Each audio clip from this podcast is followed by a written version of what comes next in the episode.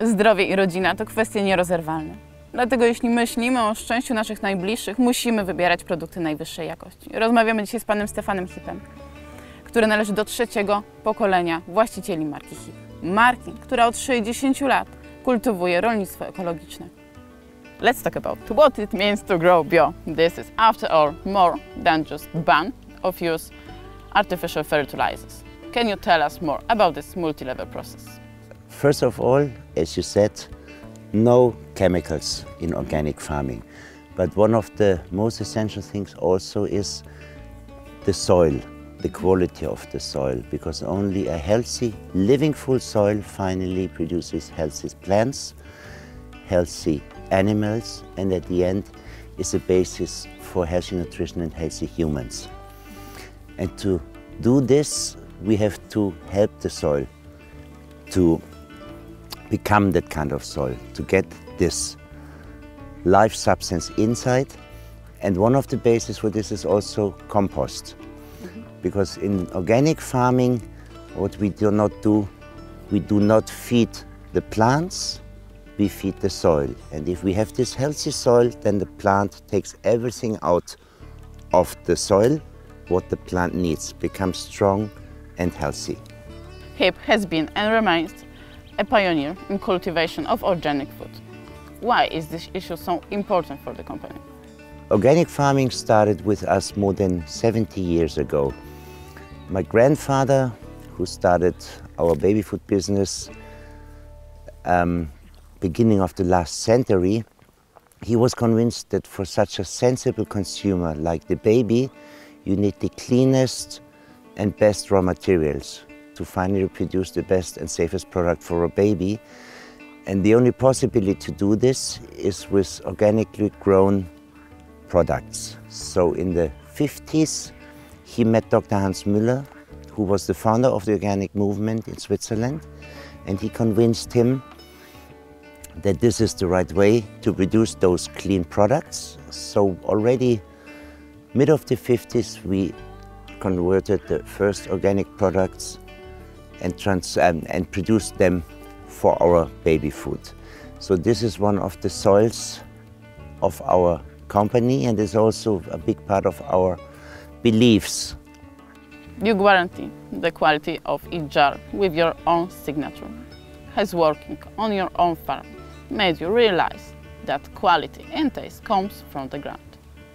Absolutely, absolutely.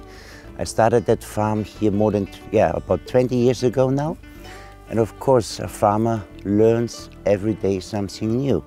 And there are big challenges, a lot of changes during the last years. And I think this is also very important for the farmer to be open for new knowledge and to improve. And that also comes back to one of the basis beliefs of organic farming, that in organic farming, we never work against nature. We have to work together with nature, in harmony with nature, and nature also teaches us a lot of things, which of course also takes its time. How does soil affect the quality of your products? Has this knowledge made recovery farm's natural biosystem a priority? Yes, and there are two things. One thing is in parts of the farm where we want to improve the biodiversity, we leave the nature as it is. This has not a direct impact on increasing the production, but this has an impact on making a better ecosystem and environment on the farm. So that affects the general conditions. The other thing is if a soil is destroyed, that takes a long time to recover. But of course you can help the soil to recover. And one of those things is bringing life back into the soil. That is if we work with compost. This only compost? How you do this? Um, well, compost is one essential thing because in compost there are all the nutrients broken up for the plant that the plant directly can take it out. And if you bring regularly good compost on the field, you grow the humus. Um, and the humus is those 20 centimeters on the soil where all the life gets out. We have several layers in our ground, but the one which is important for the plants is only the top 20 centimeters. And this top 20 centimeters we have to build up with compost and building up the manure. There are several possibilities to do this, and if this is once destroyed, then it takes a long time.